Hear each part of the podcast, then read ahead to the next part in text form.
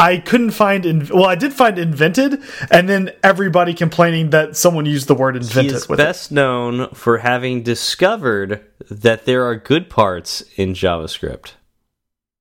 Why is that not the sentence you used? I know. That should be the sentence you use. well, I didn't actually see that one because I was only looking at JSON. I didn't sentence, That was the first important discovery of the 21st century.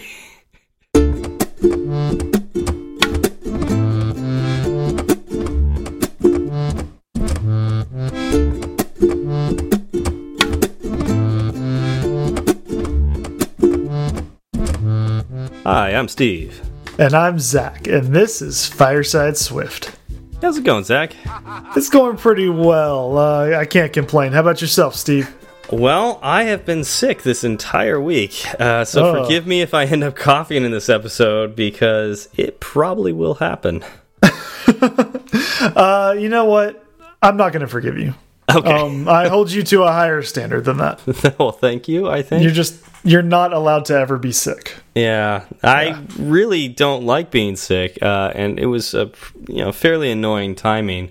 Um, but I'll, I'll say this: uh, we are recording on a Saturday night. We usually record on a Friday night, and uh, I'm so thankful we didn't record last night because I was far worse than I am today. uh, yeah, it was it was a rough week. It was a it was a pretty rough week uh, from being sick. Um, yeah, and another interesting thing in my life is I was about to ask, did Yeah. you, what else did you have going on? You kind of left us hanging we did after we, the we last te- we teased it a little bit uh, last week. Um, so this episode is officially coming out the day of my last day at Event Farm. Ooh, the day after your last day. No, it'll be the day before- of my last day. The day of your last day.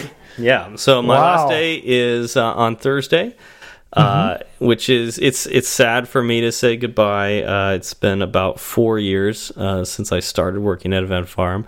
I have already said my goodbyes to to all my um, coworkers and whatnot. Uh, so.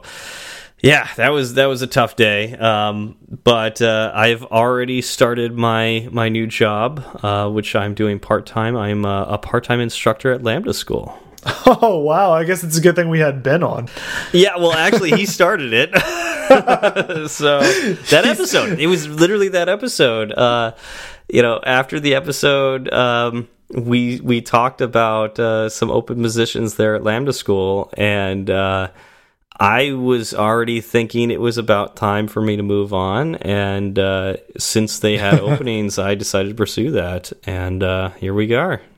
Well, that's that's really cool. I'm sure there's more to the story. Why don't we uh, Why don't we talk about that a little bit later? Cool. That that sounds good to me. Anything new in your life? Nothing as dramatic as that. It was kind of just the week as is. Okay. All right. Fair enough. fair enough. Uh, so I guess it's a good time to start talking about our sponsor this week, which is Sentry.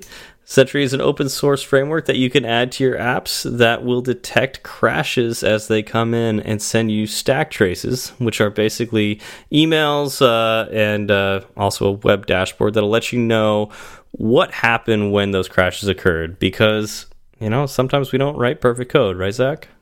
No, we don't write perfect code. We have to ship, right? Um, you need to get your app in front of people. You sometimes can only hope that your app doesn't have bugs in it, right? Because you don't have time necessarily to queue everything as deeply as you would like to.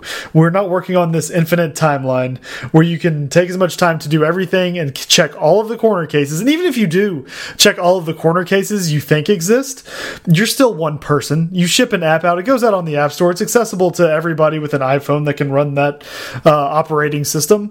Um, and typically, those people think of other ways to run your app or other configurations. Some people may want to actually run it on an iPad upside down. Who knows what happens at that point, right? uh, and you can't, you're one person, or even if you're a team of people, you can't cover as many issues as other people can cause. Plus, unexpected happens, right? Like, I wasn't expecting to be sick this week, and I was. Does that mean I was able to put out my best work? Probably not, because I was coughing half the time. Uh, that's how bugs get introduced sometimes. um, anyways, Sentry is uh, free. It's easy to add to your code base, uh, but it does have a slew of premium features as well. The premium because they do cost money. Uh, if you'd like to delve into that, you can use our promo code. It's Fireside Swift, all one word, Fireside Swift, and that will get you $100 off your account. We'd like to thank Sentry again for sponsoring Fireside Swift. Okay, so I think we got some feedback this week. Uh, who do we hear from, that, Zach? We did. Let's start with uh, our buddy Stewart Lynch. He said, uh, working with Swift UI, you use the ternary operators all the time when dealing with state changes, so novice developers better get used to it. I really need to start playing with Swift UI. I didn't realize that, so that's good to know. I didn't either. Have you looked at it at all yet? I've looked at it a little bit. Um, I think I just want to go through Paul Hudson's like, 100 Days of Swift UI, just like really dive into it. Um, but are I think are you gonna binge it? Are you gonna I'll like binge Netflix it, yeah. binge it? You're gonna you're gonna wait till all hundred days are out, and then you'll do it in 30 days. Oh man, I, I just started binging a, a new HBO show today, and yeah, that's it's it's totally in my style to just binge. it. So I'll, I'll try to fit that that hundred days all in like a, a weekend if I can, instead of stretching out to hundred days. Yeah, two straws is bingeable. Everybody knows this. Oh, totally, totally. Uh, but yeah, that's I think that's how you can get some of these more complex operators um, more accessible to beginners. Is if it's something that um, it's clever if it's not used everywhere, but it doesn't become clever anymore when everybody uses it. Mm -hmm. And so if everybody starts to use Swift UI, then it's not really clever anymore because that's just the way things are done. I think the first time I saw an extension being used uh, to uh, to to like to uh, fill in all of the uh, functions for a delegate. Um, that was clever the first time I saw it. Mm -hmm. um, but when I noticed that the community was doing that, and I saw it over and over and over again, it became less clever and more common practice. So I think uh, that's something we left out last week's show when it, we talked about clever code. Is it's also about doing stuff that the community does. Mm -hmm. And yeah, that's yeah. What were you gonna say? Oh, I was gonna say that's a good point. Like, think, imagine if optionals weren't as uh, as everywhere as they are, right? Like, imagine if you only ran into optionals every now and then. Mm-hmm. That would probably cause a lot of. Uh, it'd be disconcerting, right? Be like, Yeah. wait, wait, why is there an exclamation point after after this attribute now? What am I supposed to do with this? Why is my code crashing here? Um, but because they are something that you get used to working with, and they are as ubiquitous as they are, it becomes second nature to you. I think I think that's a lot of like old Objective C programmers thinking that Swift is too clever. Is you know they look at optionals and it, it's confusing. And I know that was one of the the toughest hurdles when I first started using Swift was like, what is this optional thing? Yep. Um, yeah, but um, yeah, once once it becomes common and you see it a lot, like the, from the community and like apps get written that way, um, just like it becomes the common practice, then it stops being as clever. And you have to introduce more cleverness, right? Isn't that Yeah. what happens? You just keep making things that no one else uses until everyone uses it. Then you have to introduce something else that no one else uses. Yeah, then the yeah, well, yeah, it's got going back old school, like uh, oh, I'm thinking like hipster, like you know, the way like object, Objective C becomes clever. exactly, exactly. I'm pretty that. sure that's. I'm pretty sure that's how humans evolved to have opposable thumbs. yeah, I actually I would think that would be very clever if like you there's something you want to do. And you know how to do it in Objective C, you don't know how to do it in Swift. So you you have a Swift app that has one class that happens to be or like one mode of functionality that happens to be written completely in Objective C and it jumps back to Swift. That'd be clever, you know, like that. That'd be like I solved this because this is the only way I knew how. That's clever. That's not right. That's clever. Yeah, I can. I get. I get your point there. Yeah. Uh, we also heard from Joe Cab. He said, Psst, "Hey, hazy Falgu." Uh, Ermine is supposed to rhyme. Oh with Oh, no no no! Herman. Say that. Say that the way you I said, said, it before. I said ermine, right? Yes. It's spelled E R M I N E. And this is the problem when you read a word hundreds of times and you never hear it spoken out loud. Oh, right? uh, um, okay. Uh, let me ask you this: Is it CA affine transform or affine transform? I would go with affine, but I have no idea. So it's funny because this actually came up this last week. Uh, Oh, Turns out it's actually affine. Um, oh, see, like that's yeah. That's what could- happens. like one of the students at Lambda for uh, doing the research on that because Ben, ben and I had a discussion about that during one of the classes. Yeah, no, I mean, again, like I've I've read it many many times. Um, I have not actually heard it spoken out loud. Yeah, So- exactly. And I I looked at it was like I don't I don't know how to say this. I'm going to say affine, and uh, you know Ben said affine, and I I. I I confronted him about it. of course you did. Of, course, I you did. Because That's why wouldn't you, right? Yeah. yeah, Yeah. No, I I should have given Ben a heads up uh, back when he was on the show. Oh, I know. well, he got the heads up because he was on the show, so he, he knew. Yo, that's only a that's only a small taste. Oh, he is, hasn't yeah. he he didn't get any true Berard ambushes. True, he he has no idea what he's in for. Yeah, no, you were you were actually much too nice to him. Actually, I'm he's not going to be with me on most of my classes. It's mostly the students that have to watch out for me, so I feel bad Hmm. for them. I may join Lambda just to be your student and just give you crap the entire time. That would be amazing. And, and not actually about anything technical. I'll just say that you're mispronouncing things. it's probably true. Though. Did he just say optional? Thought it was optional. Option now. uh, did we? Did, was there anything more we wanted to say about uh, Joe Cab, or is that that the only? That's Well, he- this. He had another tweet. Uh, we can just dive into that one. He said, "Darn! Now that you've announced my idea to the world, I'll never achieve my dream of being a hundred air." But on the plus side, it sounded like at SW Berard volunteered to do a machine learning episode. I do not. I distinctly I- remember this. I do this not happened. Yeah. I volunteered. For No, all. No, anyone who knows know- how to pronounce Ermin knows that you uh, said you were going to cover machine learning. I only know one small aspect of machine learning, and that's neural networking. Um, and it has been a little while since I have messed with neural networking.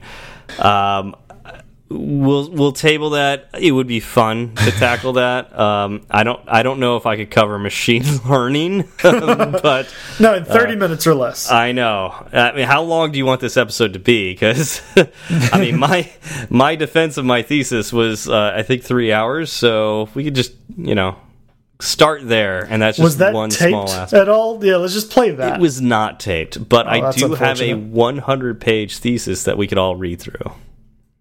Um, that sounds like too much homework even for me. we also heard from Harmonic Lattice. Uh, speaking of code kata, imagine trying to encode this. And then he linked a YouTube video of an actual martial arts kata.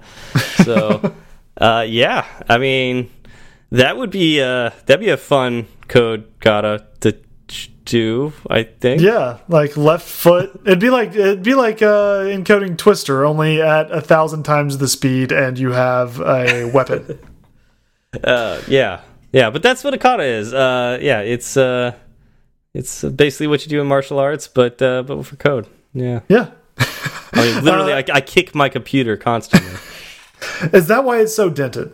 Uh, that, yeah, that, and why we have audio problems every so often. But wait, don't you have a laptop that is on? Like, you don't have a desktop or like a big tower sitting under your desk it's near your taekwondo. feet. It's taekwondo. You're actually go. like Yeah. stretching your foot up above your Uh-huh. desk and then smashing it into the computer. yep, yeah, and You're, sometimes, you're the Bruce Lee of Xcode. sometimes I'm I have it in standing desk mode, so it's got to be a pretty high kick.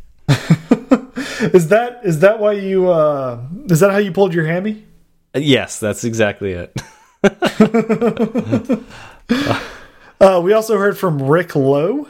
He said, Another great episode, but I fear at ZFalgu1 and at SW Berard are rebuilding the non US shoutout backlog.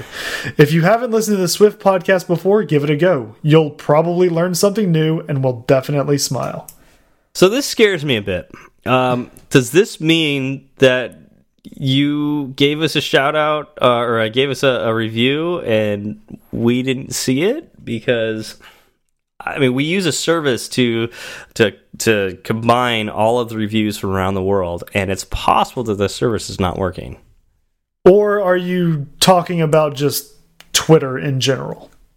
Yeah. So yeah, that's yeah, that's the know. question we have. yeah, I'm really curious because uh, if, if, for any reason we haven't uh, called out your review on this this podcast, we believe we've covered everybody. But if for some reason we didn't cover you, let us know.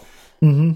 Yeah. The the fun thing is we'll also get the email tomorrow about the reviews we probably should have talked about today. Oh yeah, that's probably true. Yeah, definitely true. So Zach. So Steve. I really don't have one for this because yes, I've been sick. Yes, and I'm just I trying to think win. how I'm going to do this one. I win. Oh wait, I got it. So Zach. No, no, no, no. Show's over. So Zach, if you had Let's a son, go. if you had a son, mm. what would you name him? Uh, I see. I'm. I've because never I think to you really should name ponder... him Jay. I think you should name him Jay. Here's why. Okay. Because Jay makes a good name for a son, Jason. that's terrible. That's, that's terrible, even worse. Right? That's so bad. You should have just stuck with "Let's skip it." I almost did. I was like, "How, can, how can I do this one?" Uh, and I know we did something like this. We did we did a similar Jason-ish episode way way back. I think episode I twelve. I think I was having I was struggling to find a good segue in that one too. Um, uh, you yeah. can always just go. You can always just go and uh, cut episodes twelve segue and drop it right back in here. I'm sure it's terrible. oh yeah, because that one was so great. that one was fantastic. Sorry. See, it, it nearly killed you. it nearly killed you. Okay, so we're gonna do an episode on JSON, not the person Jason, especially not the one with he wears a mask, right? Uh, yeah, Voorhees. Chain, chainsaw. Uh, whatever implement is near at hand. This would have been a really good Halloween episode. This would have been a great Halloween episode. So let's. If, if only we put that much thought into it. Well, I think a lot of developers are actually scared of JSON. Really? I think so. Hmm. Interesting. Yeah. Well, um, we, we, can dispel some of that fear. Yeah. Like, uh, so what is JSON? Let's start with that, Zach. What is it? All right. So it stands for JavaScript Object Notation, and I mean, if it's if it's founded on JavaScript, the the fear is necessary. I guess. Yeah, I would think so. Like that. the first time I heard of this, and I heard JavaScript at the beginning, I was afraid. yeah, no, we don't want to mess around with JavaScript too much, right? Yeah. Uh, anyway, this was this was discovered by a man named Douglas Crockford in the early 2000s. Wait, what um, do you um, mean by discovered? Was this like found in the wild or like uh Yeah, it's like, like, you know how scientists will go to the Arctic and they'll be like I found a new worm and then they'll name it after themselves. So uh, JSON, JSON was found in a worm in the Arctic? Yes, um, I think that's how this happened. Excellent. No, uh, and uh, what's really funny is discovered is a, kind of the wrong word in my mind, right? But this is how Douglas Crockford actually uh, says it came about. He says he discovered it. In fact, he, okay. he gave a, a, talk somewhere. I found the transcript of it, and he talks about the true story of JSON, right? Right. Um, and in like the first four lines, he says, I discovered JSON. I do not claim to have invented JSON because it already existed in nature. what he did was he found it, he named it, and described how it was useful. He also doesn't claim to be the first person to have discovered it. Okay. Like that's something else. Is that there were a lot of other people who discovered it at least a year before he did, but he is. I mean, it's kind of like this is what happens, right? Like he gets known because he popularized it. Yeah, and he documented it, right? Yes, exactly. Um, but he could go back and look at someone who was using uh, JavaScript array literals at Netscape as early as 1996. This is really interesting to think about. Like you know, we discover animals in the Amazon like, you know, every year, right? There's new bugs found and there's supposedly so many more that we haven't ever found, right? And mm -hmm. so but they've like always existed or you know, they eventually became, you know, existed They evolved into being. They evolved yeah, right. evolved into being or whatever. Um so here's here's software, right? That somebody was doing for at least a year, at least according to Douglas's uh, perception, at least a year mm -hmm. before he found it, he finds it, and then names it. now, why did he name it the Doug? You know, like yeah, that's. I mean, probably because coming up with uh, proper words for scriptus. D O U G, like having D O U G be an acronym, is just I- difficult. I know a Jason, like not not J S O N, a J A S O N, and he used to work with me, and he hates JSON, J S O N, because anytime we talk about it in the office, or when we we used to work together, so when we used to talk about it in the office, he would always think we were talking about him. Yeah, that's understandable. So I would mean, think almost all Jasons hate JSON. probably, but if he named it the Doug, then all Dougs would probably hate Doug. yeah. So he I mean- named it like Dougus Scriptus, like a like a Latin name for it. That's a little too pretentious. He did I- discover it. well, I, the way I'm looking at this, like he was doing a PR over someone's code. Like they, they wrote all this code out, he was PRing it, and he was like, "Do you know what you did here?" And then he took it from there, right? Like Yeah. he, he discovered someone else who had written it, and then and then kind of made it big. Yeah, basically said, "This is really clever. this is Exactly, exactly. Let's make it Or- not, not clever anymore." or it's like a music uh like a, a talent agent right? For Yeah. uh, for the music industry they Sure. discover an artist right? Like the That's artist true, is yeah. singing in a cafe or whatever and they make it big. That's what that's what doug did. Okay, so uh, what can we do with JSON? um we can do a lot of things. It's a good way to kind of store and transmit data in a human readable format. Okay, um it replaced i mean it didn't really replace xml because xml still exists I was gonna say But- I, I I know APIs that still use XML. Right, but I think it's uh, you know where there used to be a hundred percent of XML, now there is you know ten percent of XML and ninety percent of JSON. I did actually have a job in I think 2002 in the summer of 2002 of copying and pasting from a PDF document into an XML document so it would show up on a web page. So Oh, nice. that- that, sounds invigorating. it was lovely. Uh, Yeah. And actually, I we, mean- we st- we still use as iOS developers, we still use XML all the time. yes, but it's it's kind of funny. It's hidden, right? Like the Yeah. the XML part of it has been abstracted away from us because our our p lists are actually XML. Mm-hmm. Yep. And if you go into Xcode and you right click on your p list and you say open as code, it'll open up and you can look at all of the XML you want to. Yep. Yeah, I wonder if that'll ever change to JSON. That'd be interesting. Yeah, that is a good question. Yeah. Anyways, uh, so what else do we is neat about JSON? So, uh, and this is where I the terminology kind of escapes me a little bit. Um, it's based on the object quasi literals of JavaScript. Uh, A quasi literal is a syntactic construct that facilitates the implementation of embedded domain specific languages in JavaScript. Okay. So let's define that a little more, right? A domain specific uh, language is a computer language specialized for a particular domain. So, like HTML for web development is Okay. a domain specific language. Um, but yeah, Okay. So The- we- so what's what's the the basic idea?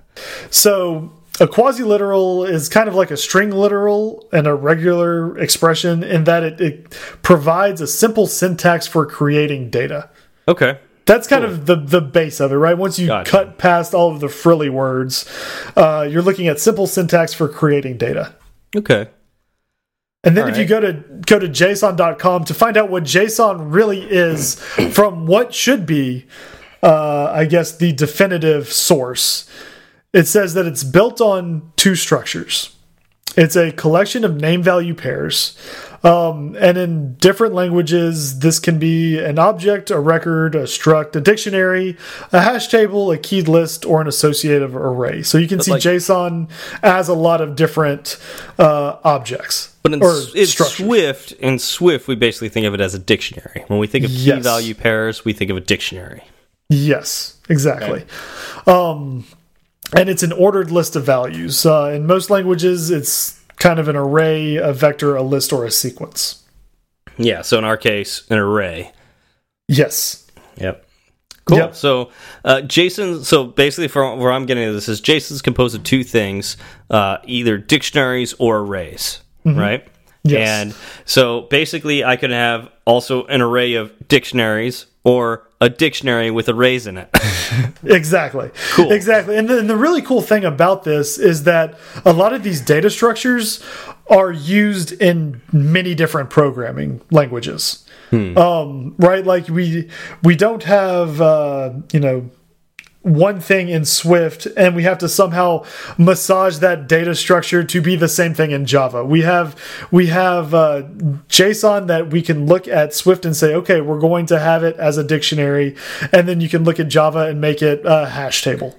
which is really really interesting because that's why JSON ends up being almost the universal language for these interfaces. You know, we talked about APIs. You know, I think all the time, but like in general, like any of the times we talk about networking on this this podcast. Um, but uh, you know, anytime we talk about that, we oftentimes talk about JSON. Like JSON's like the way you get data out of it, and you parse it out and whatnot. But like it's because of this. It's because it's basically composed of two things: arrays and dictionaries. and at the end of it, it's got like some basic values: strings. Uh, it was like strings, integers, and booleans. And um, it allowed, and I think null. I think null is allowed in Yes. JSON as well, right? So I believe so.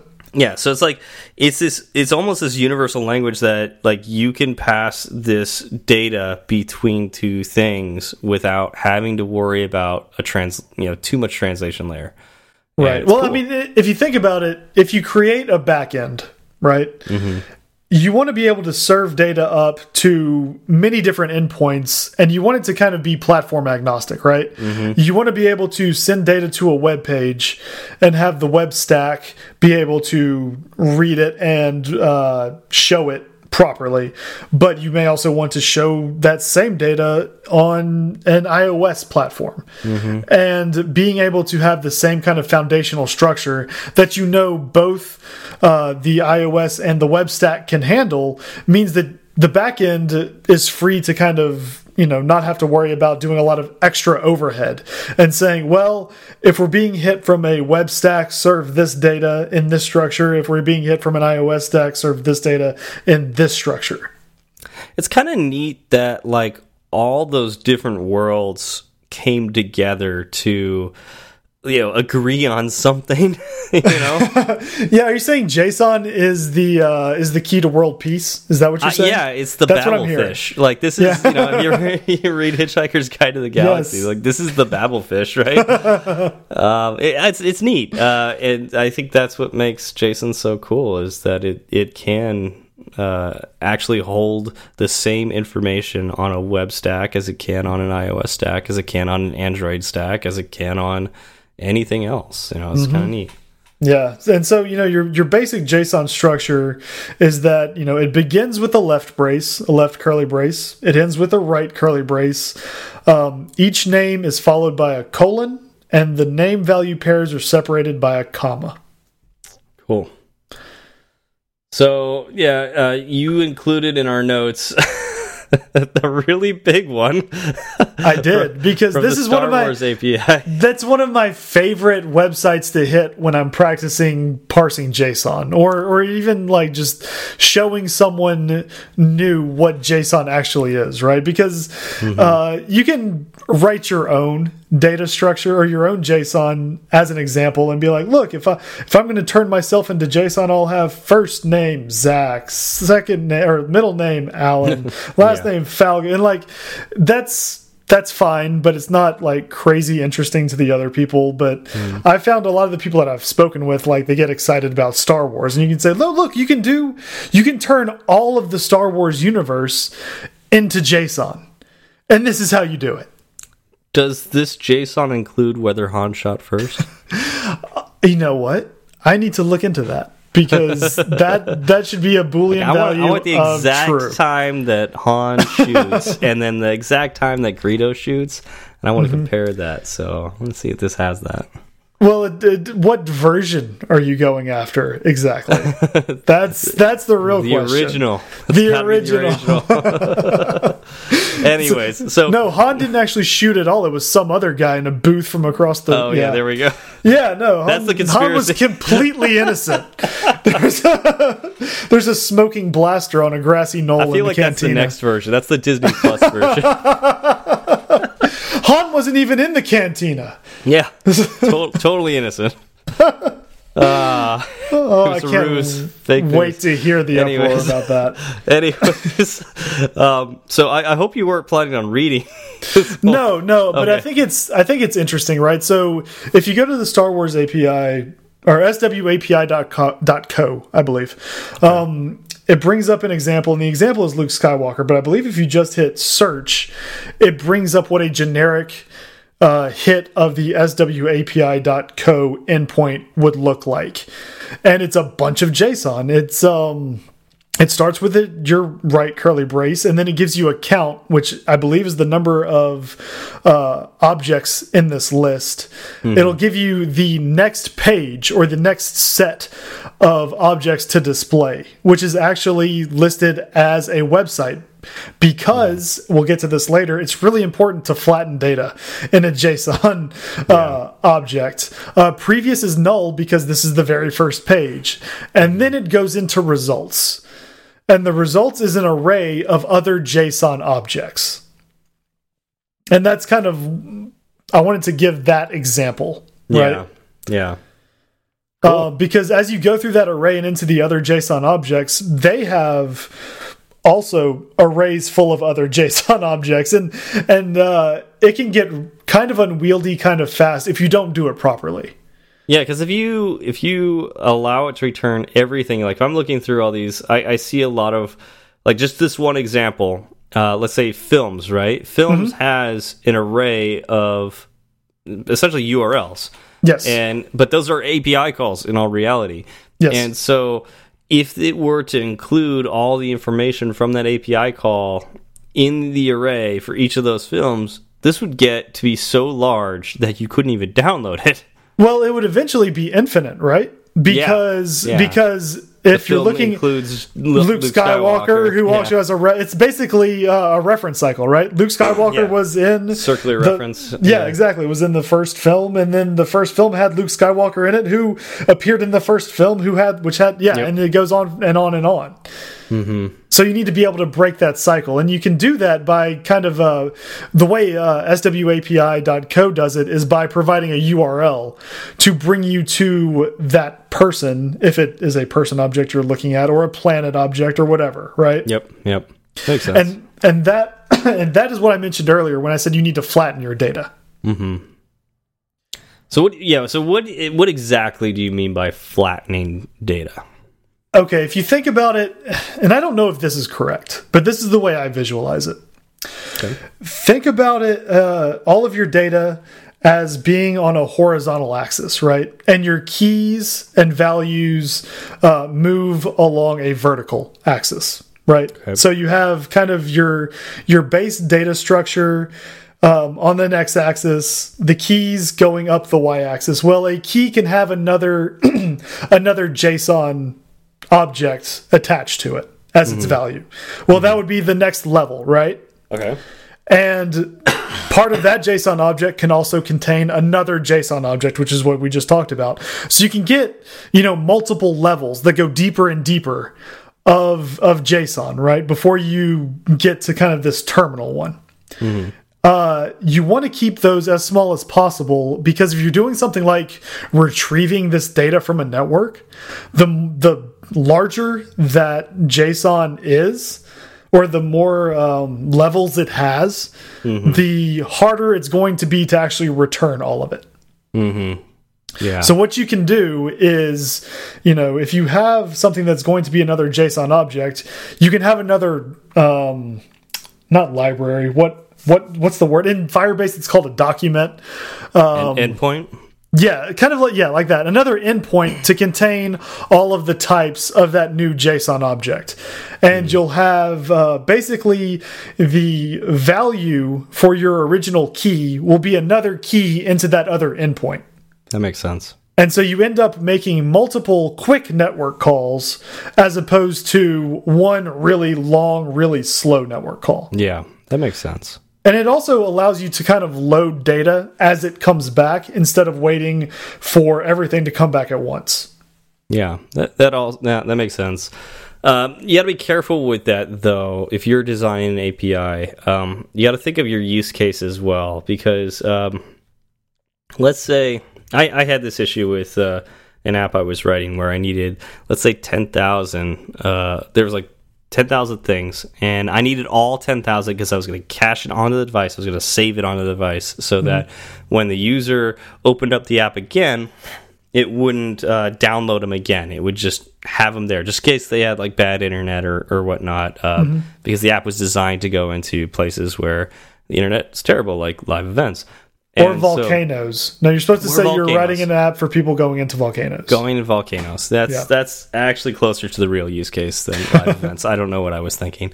Um, so, uh, so let's say it's ten thousand objects, and let's say every single one of those was so flat that you didn't like you you made all the calls to get the 10,000 objects but then you each one of them you needed to make another call to get just a little more information I mean, that's that's a little call, right? Just a tiny yeah. little call. Except that's ten thousand tiny little calls, and that ends up being a lot of calls.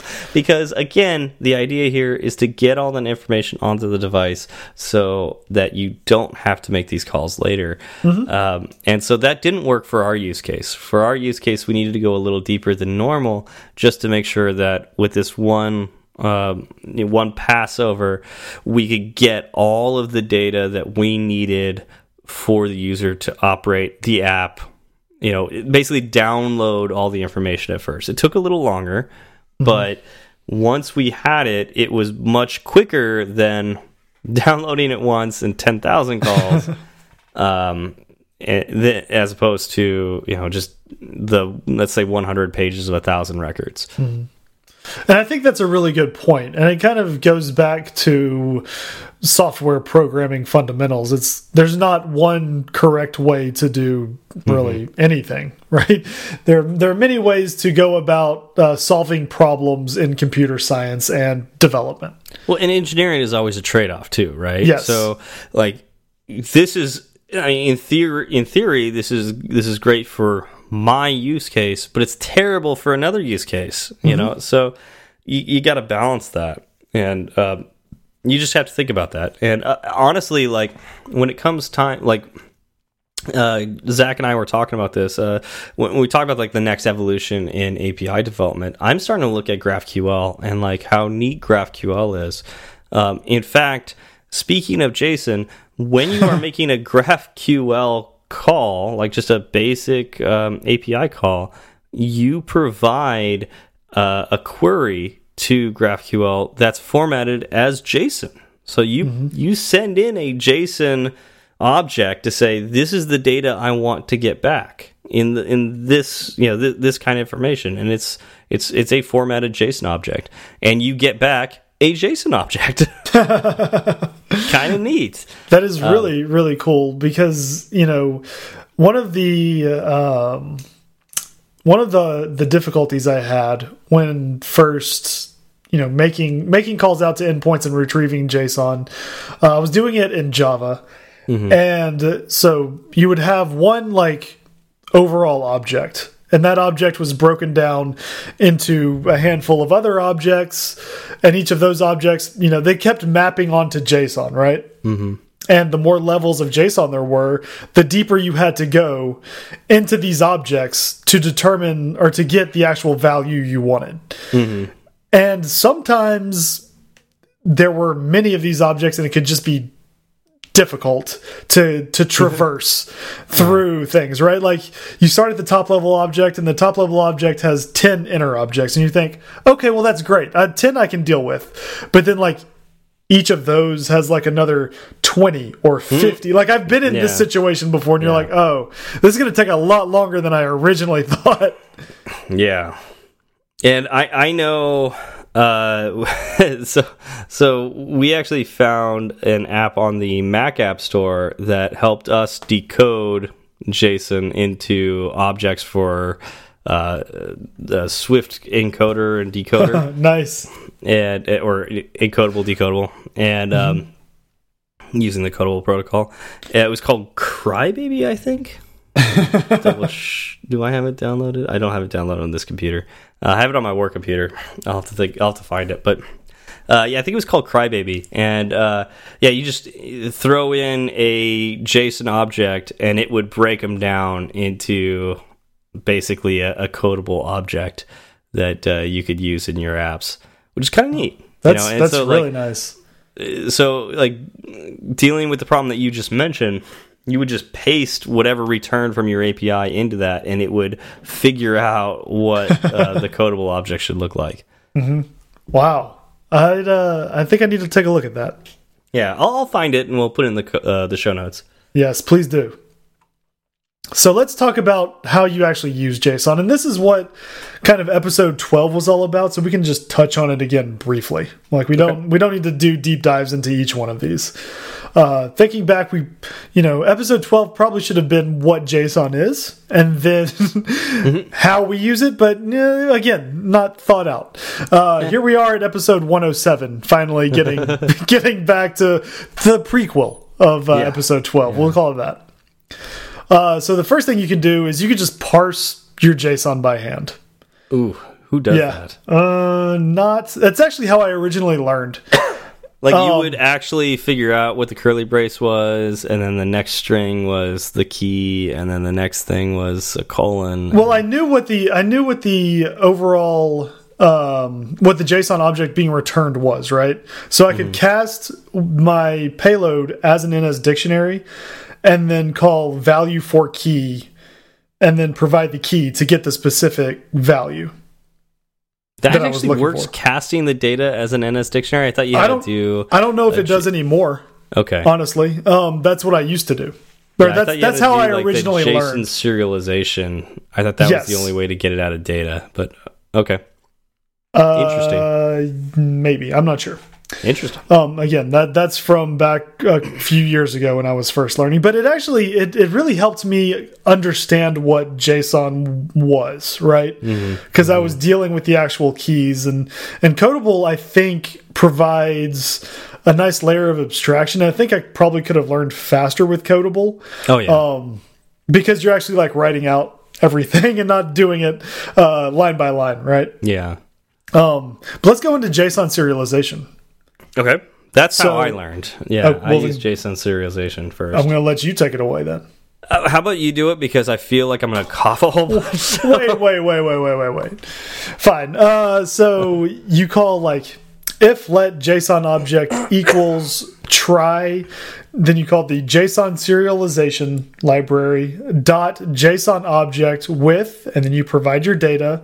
Uh, then you provide some options, and then you have to cast it as an array of dictionaries, and the dictionaries have strings as keys and any as values. Well, I think okay, so it's not just an array of dictionaries because it depends on the JSON object. You kind of have to know, and this is where things could really get screwed up. Like if you don't know that it's going to be an array to begin with, this will actually not work. Like it'll return nothing. If it's like a you know starts out as a dictionary, uh, but if it starts out an array and you cast it as a dictionary, then that's not going to work either. So you kind of have to know what the object is going to look like here. So this is where it gets interesting. And so, is this why you have to use guard or if let everywhere Yep. to to make sure Yep. that you're actually getting what you expect to get? Absolutely. Nice. Yep. Uh, there I, I are. did, and I use this back with Objective C. So Oh, okay. yeah. Yeah. Now there are there are a couple of uh, CocoaPods, I believe, um, Mm-hmm. that kind of did a lot of the JSON serialization for you, and this was back before Codable was introduced. Yep. Yep. The first is SwiftyJSON. yep. um, that's trying to simplify the decoding of JSON data. And that was super nice when it came like back in the day before we had Codable. SwiftyJSON was the package to use. That was Yeah. awesome. Uh, then there was also JSON encodable slash JSON decodable. Um, Yeah, I didn't use those. Okay. Well, I don't remember doing it either, but they Okay. ended up in the notes, so they they existed at some point.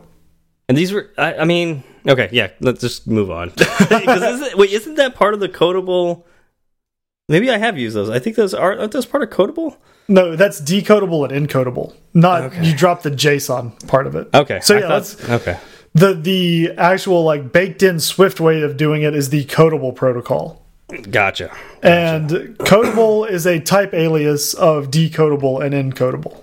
Hmm. And actually, something that's interesting in the app I work on now, uh, I kept coming across when I first started working on it. I kept coming across a data object that was labeled as JSON, like it was it was JSON.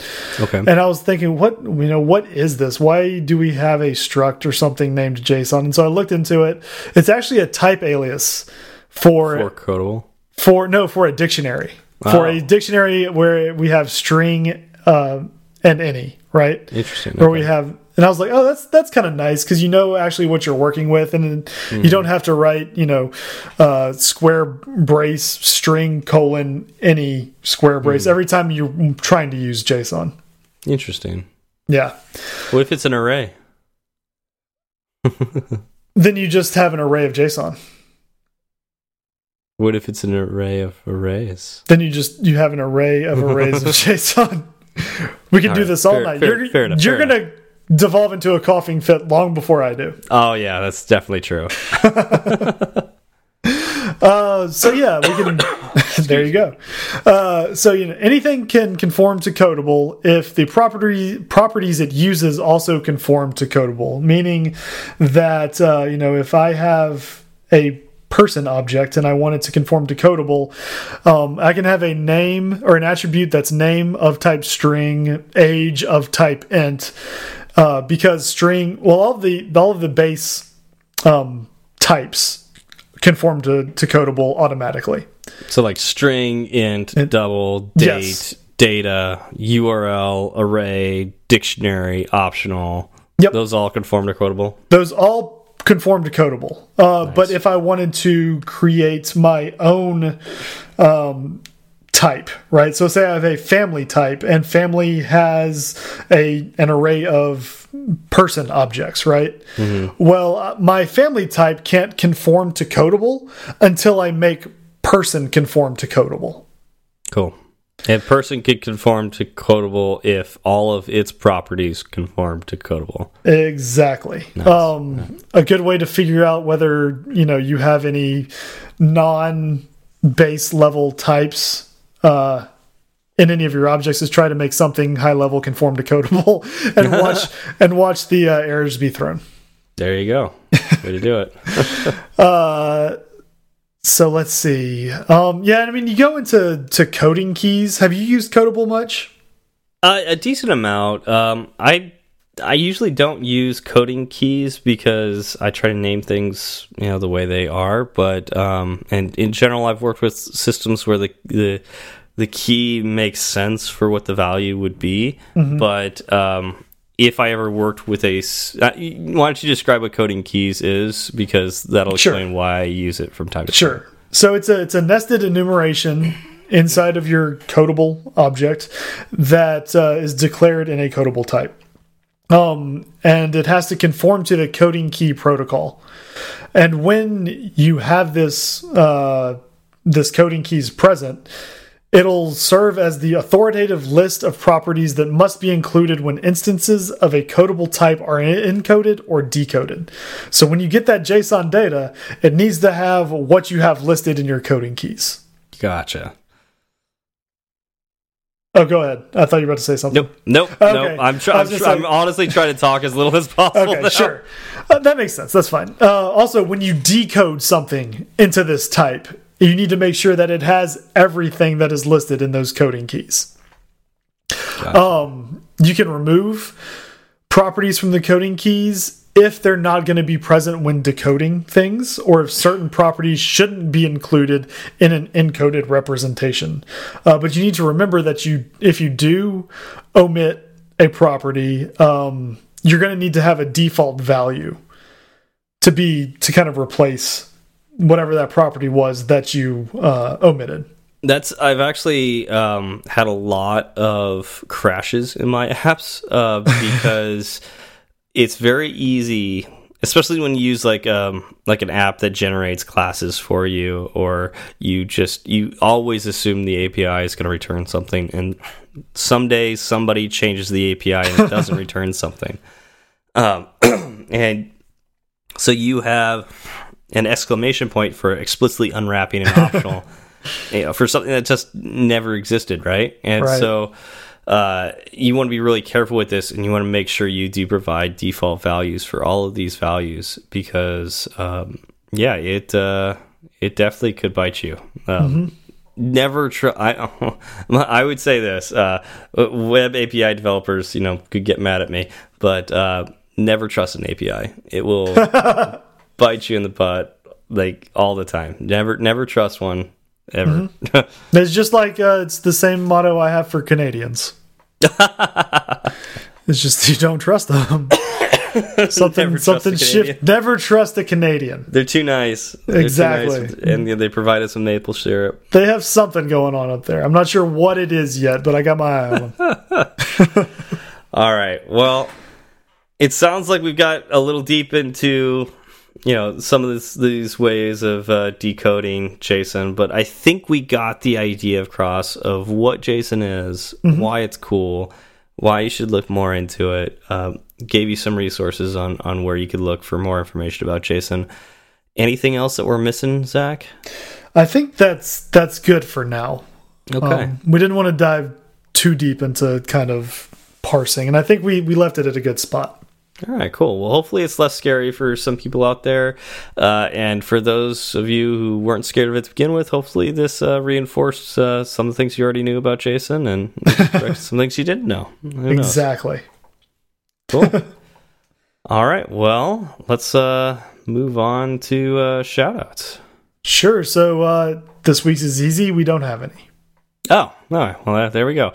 Wait, I thought uh, there was some uh, so, some shoutouts from other countries that we were missing. Exactly. We're missing them. they're they're not here. Yeah, I know. If, so if they were here, we wouldn't be missing them. Ca casual reminder: if if for some reason we missed your shout out, just let us know on Twitter. We'll make sure uh, we we figure out what's happening with that. Yeah, we'll dive into it. Um, now we do have some Fireside Swift specific things we need to talk about. Oh. And this this kind of goes back to follow up, but I, I wanted to leave it in a special spot here. It's from Heffertron. Uh, he said, Don't forget to make your nominations at the annual Hacking with Swift Community Awards.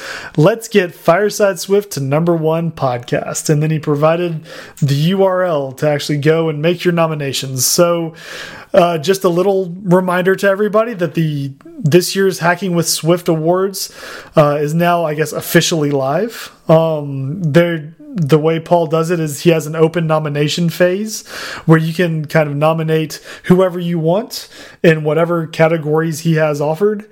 Um, and then he takes the those nominations and makes a short list for the actual voting. And i think voting occurs over the course of a couple of weeks.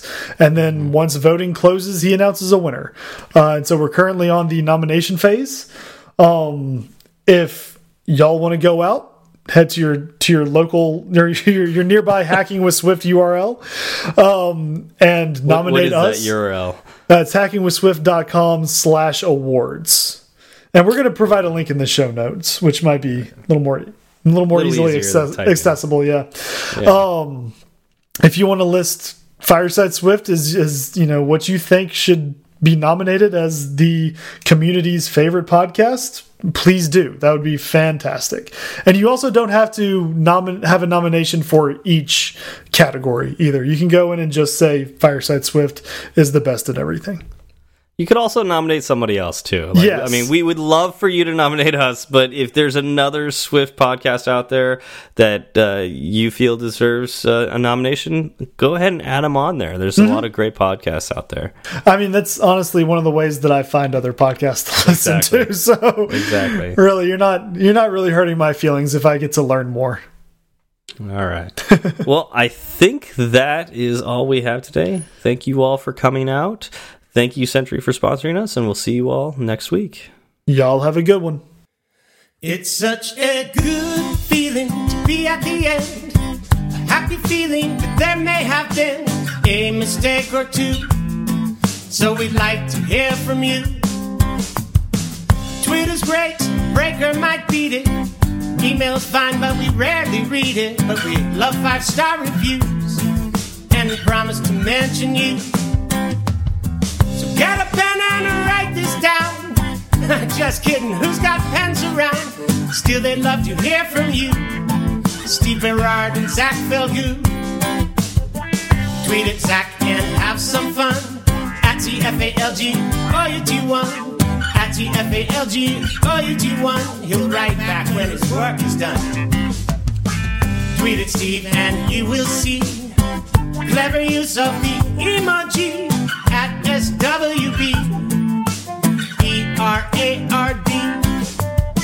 Fireside Swift has its own handle, so you can burn three sides of the candle at Fireside underscore Swift. At Fireside underscore Swift. And if your message is a little too long, there's firesideswift at gmail.com and firesideswift.com. Firesideswift.com.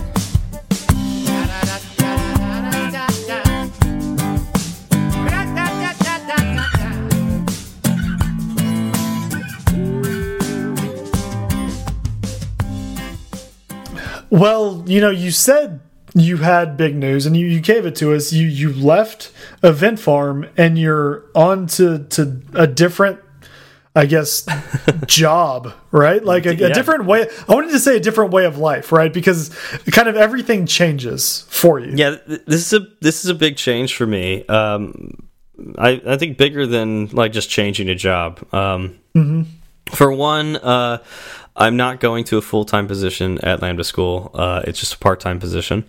Uh, so that's that's kind of a big deal, right? Um, going from a full time job at uh, Event Farm, which I've really enjoyed uh, all these years, uh, and before that, working for the Navy full time, obviously. Um, yeah, there, there's a lot of benefits that go along with that, and so um, yeah, I'm I'm making the conscious decision that uh, I I'm gonna try freelancing. I'm gonna try it out. Um, I'm going to. There's some things that I wanted to put on the App Store. There's some things that I'd like to do for Fireside. Um, you know, we've talked about merchandising uh, in the past, so uh, I I think this gives us a great opportunity to give that a try. So for you know everybody that's been looking forward to that, that's one of the things. One of my initiatives going forward is is working on that. Yeah, We You- could just you were gonna keep- say something. Yeah, I was gonna say we can just keep teasing it until it actually becomes teasing it. reality, right? Like, But I I want it to be a reality. oh, I do too. But you just keep saying it's gonna happen, and eventually it will. I know, and I've I've actually started doing research, even though these last couple weeks have been like super super busy. Um, I, I've done I've done a little bit of research, and I I I need to talk to you about this after, after Oh, we record because okay. like I've got some interesting things I wanted to pitch to, to you on that. Um, but yeah, so I'm thinking about doing that. There's some apps I want to throw in the app store, uh, and then there's like some other uh, you know work that I'd like to try to do um, outside of the constraints of a full time job. Uh, plus, you know, I really want to work with Lambda. Like, I, I like uh, teaching. I've, you know, that's what we do here on this podcast. Um, and this is an opportunity to do that. Uh, and uh, unfortunately, right now they don't have a full time position, so I'm taking what I can, and then uh, I'm going to fill in the rest with uh, what else, whatever else I can. So. Would you be interested in a full time position? I would. I actually would. Uh, but that's uh, you know that's we'll figure that over time. Um, you know, no no pre no pressure on on Lambda at all. Right. Um, I was just- I was curious. My position, yeah. So um, yeah, and uh, who knows? Like it might be that I stay working part time with them and end up doing freelancing. Um, I actually need to spend some time talking to. Sean Allen, Ben, uh, some of the other people that ha we know that have, have done the freelancing gig, um, figure out like what's the best way for me to go about that. But uh, yeah, it's I it's a little tough working in this industry and staying at a company for longer than two years because you tend to continue doing the same thing over and over again and it would be nice to learn what other companies do, like and and you know just like see a new perspective. Mm -hmm. I can definitely see that. Uh, it's easy for one company to do kind of their development cycle and the way they develop mm -hmm. the same way over and over again, right? Because if something is working for the company, they're not going to want to go and just change it so a developer can learn a new way of doing things. Mm -hmm. And if essentially slow them down, uh, which means less money yep. for for the developer's sake. Yeah, yeah. Even if even if uh, you know it leads to better development or faster development, even in the future, just because it's a it's a gamble and not a lot mm -hmm. of mm-hmm. companies are willing to take that kind of risk. Yeah. Yeah. But yeah, so this is I don't know, this is an interesting experiment to say. Um, it's a little it's a little scary too. Um, but uh, I think I've mostly gotten over that fear, and it helps to have a, a, steady job. You know, while I'm playing around with this, this isn't like I'm completely quitting my job and just going like I'm gonna do this. You know, yeah, freelance stuff full time.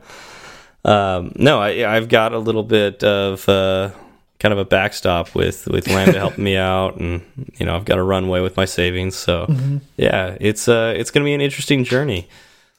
Yeah, I'm I'm interested to kind of live it alongside of you and to kind of learn how you uh, how you handle everything. I mean, freelancing I think is incredibly interesting um, because of the the amount of products you're able to touch. Right? If if mm. things work out, right?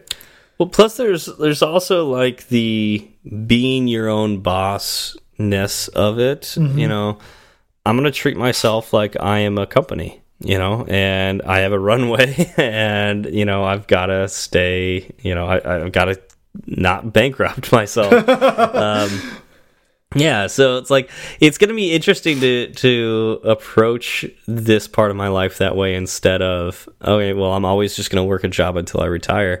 Um, what if what if i can you know build up my brand build up my ability to be desired as a developer such that um, I can start earning higher wages and eventually kind of do whatever I want to do, take the jobs I want to take um, work where I want to work instead of being tied down. Uh, but that also could be a fairy tale too. I don't yeah. know. I don't know. Well, I, am interested to hear about you know Steve Co, a division of Steve Inc., a, a right. subsidiary of Steve LLC. yeah, exactly. Why do I feel like you would have a bunch of shell companies? Like, it's a good question. Why do you think I would do that? I don't know. sounds very not, complicated. I'm not sure if your your roommate wonders why sounds, you haven't taken a, little, shower. That sounds like a little weeks. too clever, Zach. it, it, it might be. It may be. It is. Uh, but I still wouldn't put it past you. Yeah, I don't know. A few shell companies, just a few yeah, of them. Just a couple, right? Just yeah. to just to keep your roommates honest. Name them uh, Clam and Turtle. What kinds of shell companies they are. Wah, um, wah, wah. um, anyways, uh, so yeah. So what? Yeah. What is what's your schedule like? Mm, Lambda is so kind of different than typical um, development, right? Mm -hmm. And I mm-hmm. guess we went into it with Ben quite a bit. Yeah. So Ben talked about it. My particular schedules, I, am I'm, uh, I'm going to be teaching the evening classes, and uh, it's Monday, Wednesday, Tuesday, Thursday. You know, this switches off every week, so mm -hmm. that's going to be uh, uh, you know kind of interesting. But um, you know, and it's in the evenings too, so uh, that leaves my mornings open to doing whatnot, uh, you know, whatever I need to do, and you know, whatever I want to do, really. Um, uh, so that's going to be interesting. You know, I'm going to have to be disciplined. Uh, make sure I continue to work out. Make sure that I uh, am, you know, wake up at a decent time instead of just like slowly sleeping in more and more and more. Right, um, because I think it, it, can be easy for you to fall into that trap. Right, like oh, it's yeah. going to take an amazing amount of self discipline exactly to make sure that you know you leave the house Mm-hmm. essentially, right? Yeah, yeah. That's uh, that's gonna be interesting. Easy, easy, What was, that- Siri. what was Siri saying? I have no idea, but she started yelling at me. That's funny. I think she she wants to know what you're up to as well. I know. Um, And I mean, as far as uh like something that would would kind of get to me and actually something that I had to adjust to when I started working at my current company um, is that I'm only in the office two days a week. And I only really have one other coworker. And I went from an environment where I had hundreds of people at the office that I was I wasn't interfacing with each of them every day, right? I wasn't talking to each of them, but I I saw them and I was having interactions with a large number of them on a day-to-day basis. Um and going from that to basically nothing was was interesting. And and I have other things I do outside of work for a social life, but it did feel like my social life kind of uh, fell by the wayside just because I wasn't seeing as many people as I normally did. Like it, Yeah. it's interesting because my, my actual social life didn't change at all, right? I, mean, I still Yeah. saw the same people that I typically saw the same amount of times I typically saw them, but because I wasn't seeing all of my coworkers, and I'm I mean at work I'm I'm a pretty social person at work, right? Um, so some people would probably call it you know me having some social time just because I like to be Yeah. around people. Sure. Um, And And that's that- that's a common thing that people who work from home say. Right, and it, it got restricted, and I got used to it, but it it definitely feels weird every now and then, and it's one of the reasons why I mm-hmm. am happy that I go into a co co-working spot every now and then because he's Yeah. I've got one coworker and I talk to him all the time, but at the co-working spot you kind of get to know everyone else mm-hmm. that's there. And uh, so you get to learn a little bit about them and who they are and what they're working on. And it's like a, a company with like an insanely diverse background, right? Mm-hmm. um, and all these people are, are kind of your coworkers. Except you, you kind of sometimes get along better with them because you're not working on the same projects. Yeah, yeah. Um, and that's that's a possi Excuse me. that's a possibility in the future. Um, I've also heard that uh, a common thing that people do when they, you know, freelance and whatnot is to go to coffee shops. So that's that's a possibility too. I've got a couple nice coffee shops nearby me, so maybe I'll do that. I'll take my laptop, walk to one of those coffee shops, and park for the day. You're going to be drinking so much buttered coffee. I don't think I'll go to Bulletproof. So much buttered coffee. yeah. Uh, but uh, yeah, so we'll see. Um, this will be an interesting adventure, um, and uh, I'm pretty excited about it. So let It's- you know how it goes. It's one of those things that you're not going to know what it's like until you try it, right? You can Exactly. you can hear about other people's experiences with similar things over and over again, but you aren't going to react to the situations the same ways that they do, right? Exactly. Because you are who you are. Yep. Um, and when I was leaving Texas Mutual, one of the reasons I gave them for leaving was that, you know, I wanted to do work on a mobile app. And it's something that I had always been curious about, and I had an opportunity to do it, and I would never have that answer until I actually did it. And, you know, unfortunately, doing it meant I had to leave a lot of people that I really enjoyed working with behind. Yep. But if I didn't do it, I would still be wondering what it would be like to be a mobile developer today. And, you know, it, it was a dilemma, but in the end, the answer was a little easy. It was it was easier than than expected, right? Because I just I couldn't have that question hanging over my head for the rest of my life. Um, so I think you're making a really a bold move and a strong move, and uh, I think it's going to be good for you. I hope so. I, I, pretty much everybody I've spoken to about it is, uh, you know, they've basically said that I, I they expect me to be successful in this endeavor. Yep. Uh, it's it's up to me to prove them wrong, uh, and we'll see how that goes. I haven't left bed in three weeks. Postmates deliver another Yeah. Whopper. Yeah, I, I am, I am. No, I, I really, I really hope this goes well. Um, but uh, like I said, it, it really depends on uh, the network that I've built and uh, what the work looks like out there. So we'll mm -hmm. see. Um, I'm hoping it goes well. Me too. I think I think you'll be successful as well. Well, thank you. So sir. there it is, another person to prove wrong. All right. Well, I will keep you posted, and uh, yeah, we'll we'll see how this this uh, weird journey goes. Looking forward to it. Ding. That's for that's for Mr. McSwift face.